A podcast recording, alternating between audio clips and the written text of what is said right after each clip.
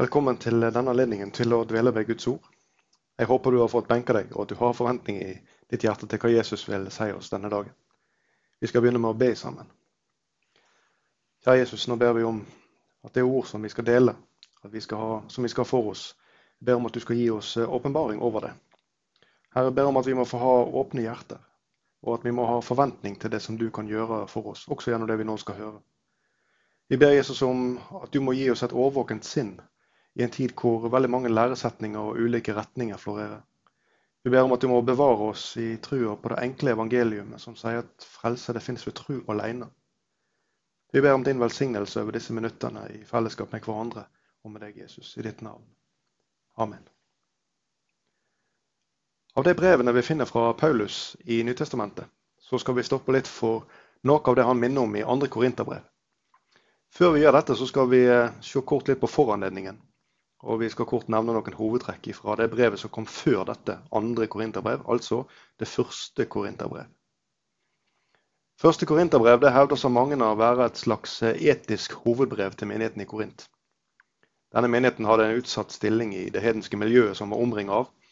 Og ikke overraskende så hadde denne påvirkningen gitt en mindre gledelig utslag på det moralske området. I dette brevet så tar derfor Paulus opp mange ting. Han skriver om partivesen, han skriver om splittelse i menigheten. Og han skriver en del om kristen moral og hvordan aksept av umoral gjennom ubibelsk samliv virker som en liten surdeig som syrner hele deigen. Videre så skriver Paulus om den friheten som vi har i Jesus, og om den rette bruk av friheten gjennom eksempelvis å ikke være til fall for andre. Så har vi jo de kanskje mest kjente kapitlene som omhandler nådegavene.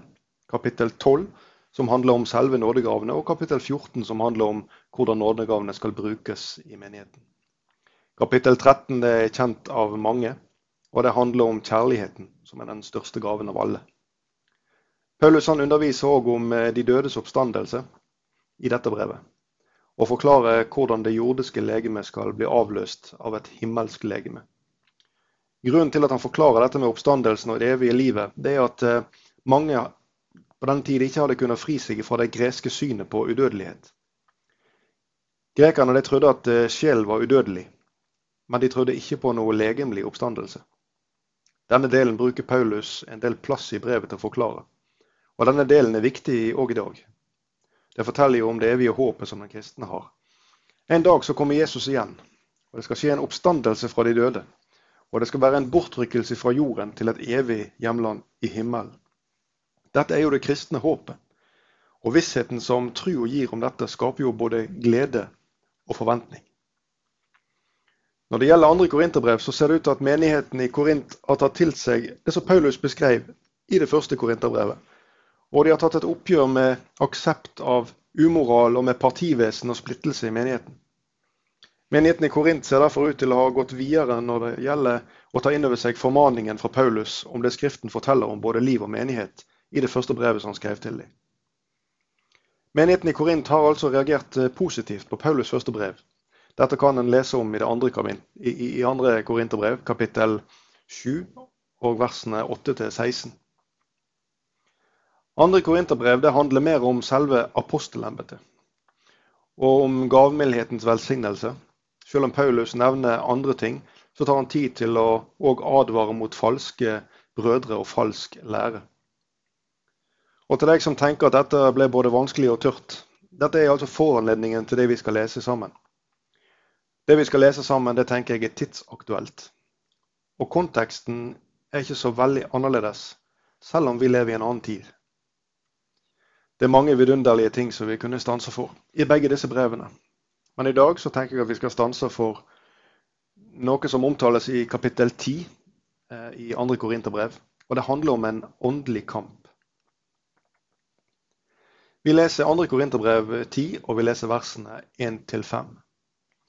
Jeg, Paulus, formaner dere ved Kristi nedbødighet og mildhet. Jeg som skal være så ydmyk når jeg står ansikt til ansikt med dere, men djerv mot dere når jeg er fraværende. Men jeg ber dere, la meg slippe å opptre djervt når jeg kommer til dere.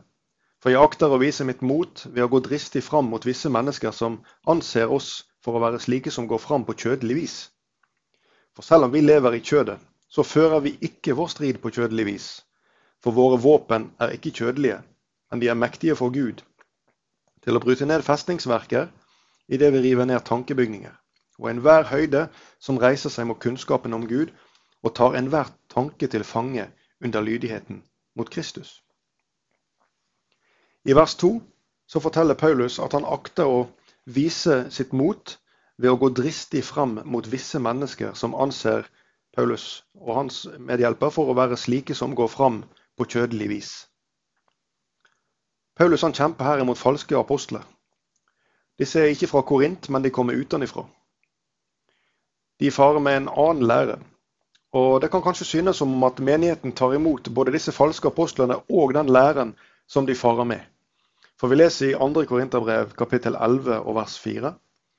For om det kommer en til dere og forkynner en annen Jesus som vi ikke har forkynt, eller om dere har fått eller om dere får en annen ånd som dere ikke før har fått, eller et annet evangelium som dere ikke før har mottatt, da tåler dere det så gjerne.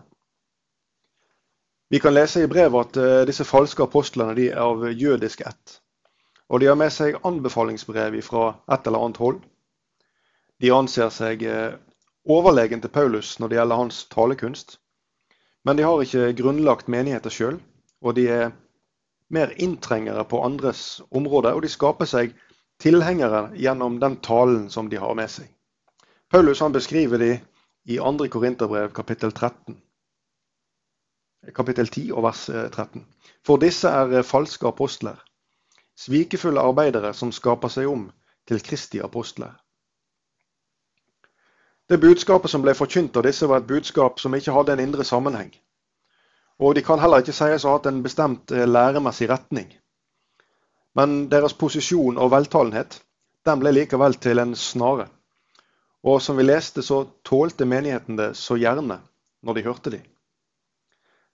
Selve kjernen i det som disse falske apostlene forkynner, kan gjenkjennes òg i dag. Og dessverre så tåles det fremdeles så gjerne av mange. Paulus advarer, og vi må advare.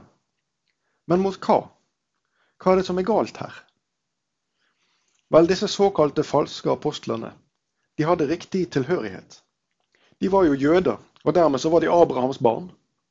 Og de hadde med seg anbefalingsbrev.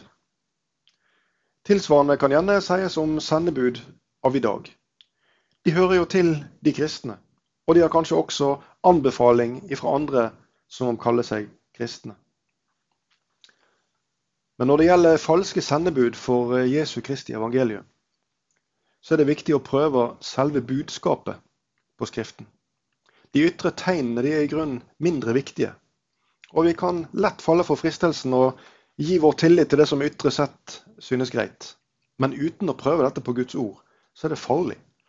Og det leder mennesket bort ifra evangelisk sannhet. Når Paulus forkynner, så er kjernen i hans budskap ordet om korset. Dette handler om Jesu guddom, om hans lidelse og hans eh, død og hans oppstandelse. Paulus han taler om Jesu stedfortredende død. Han taler om omvendelse fra synd. Han trekker opp en tråd gjennom hele Det gamle testamentet. og Han viser til at Jesus han er den Messias som Moses og profetene taler om. Dette det var et budskap som veldig mange var motstandere av. Han tar opp viktige moralske spørsmål og Egentlig så er Paulus' budskap nokså kontroversielt. Hvorfor? Jo, fordi budskapet det satte mennesket på valg. På valg til å ta et oppgjør med synden, og til å la seg frelse ved nåde gjennom tru alene. Denne tydeligheten eh, ble viska ut av disse falske apostlene. Og deres evangelie ble en slags etisk livsanskuelse. Og den Jesus som de hadde med i sin forkynnelse, var knapt nok en opphavsmann til denne livsanskuelsen. Den lære som de hadde med seg, var mer en slags popularisert og kristna farisisme.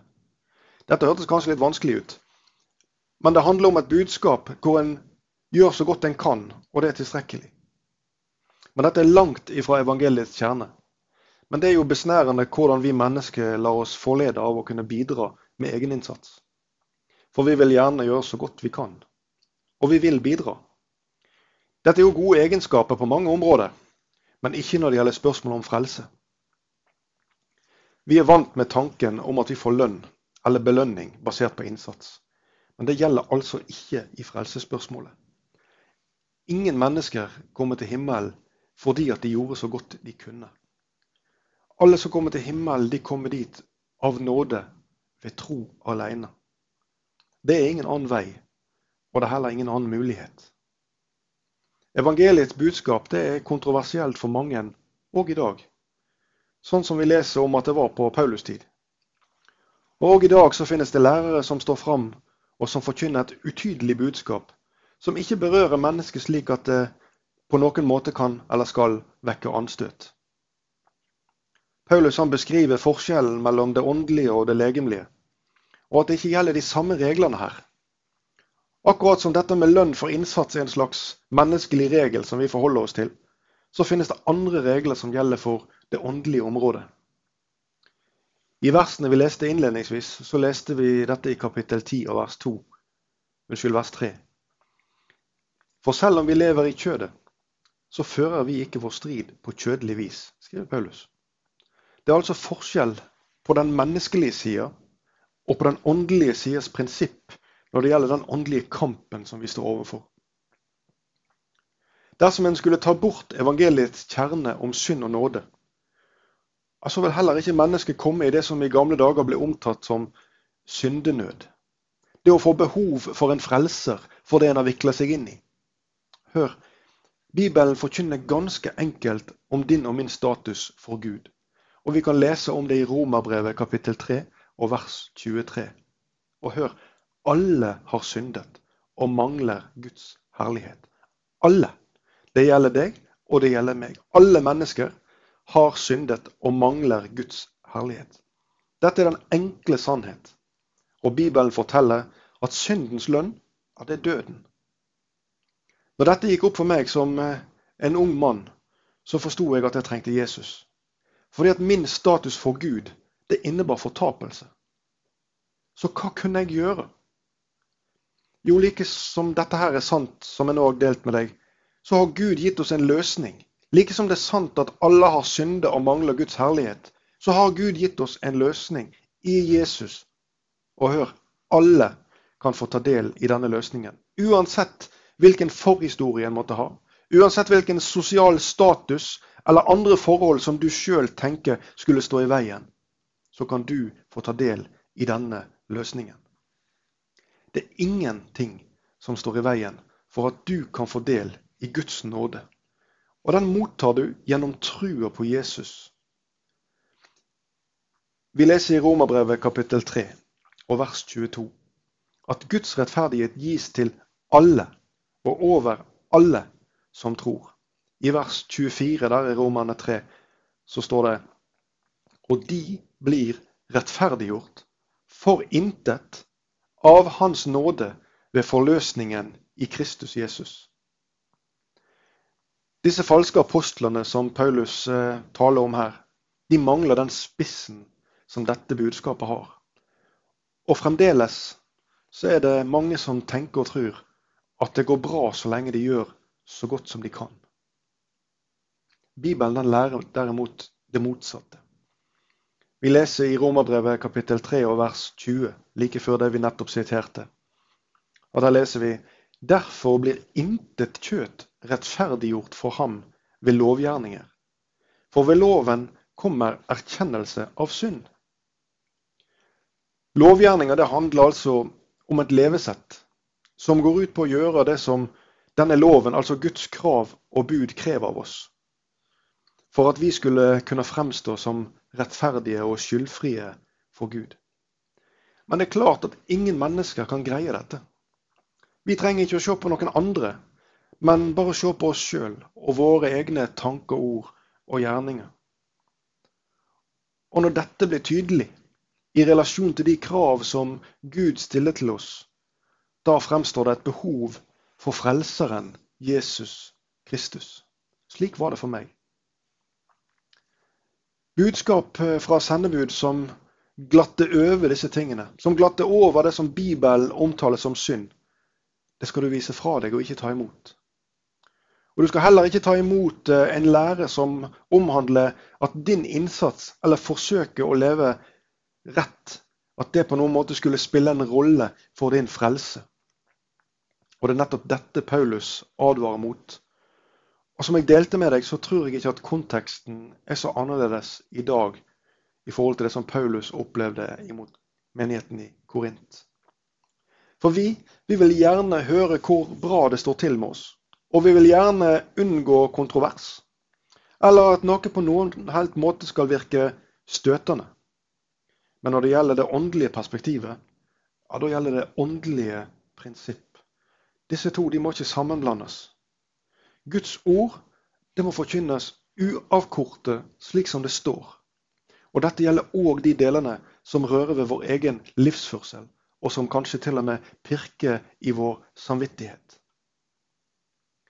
Kanskje tenker du at det som jeg nå har sagt, det var litt vanskelig. Og kanskje enda verre så tenker du at det høres ut som at omgangen med Bibelen stadig skal minne om vår utilstrekkelighet og om synd. Men Paulus han oppsummerer denne ganske fantastiske mekanismen til noe som er virkelig herlig. Nå skal du høre hva Paulus skriver i Romerbrevet kapittel 5 og vers 20. Her omtaler Paulus dette forholdet mellom egen utilstrekkelighet, synd, når en måler seg sjøl opp imot loven. Og hør. Men loven kom til for at fallet skulle bli stort.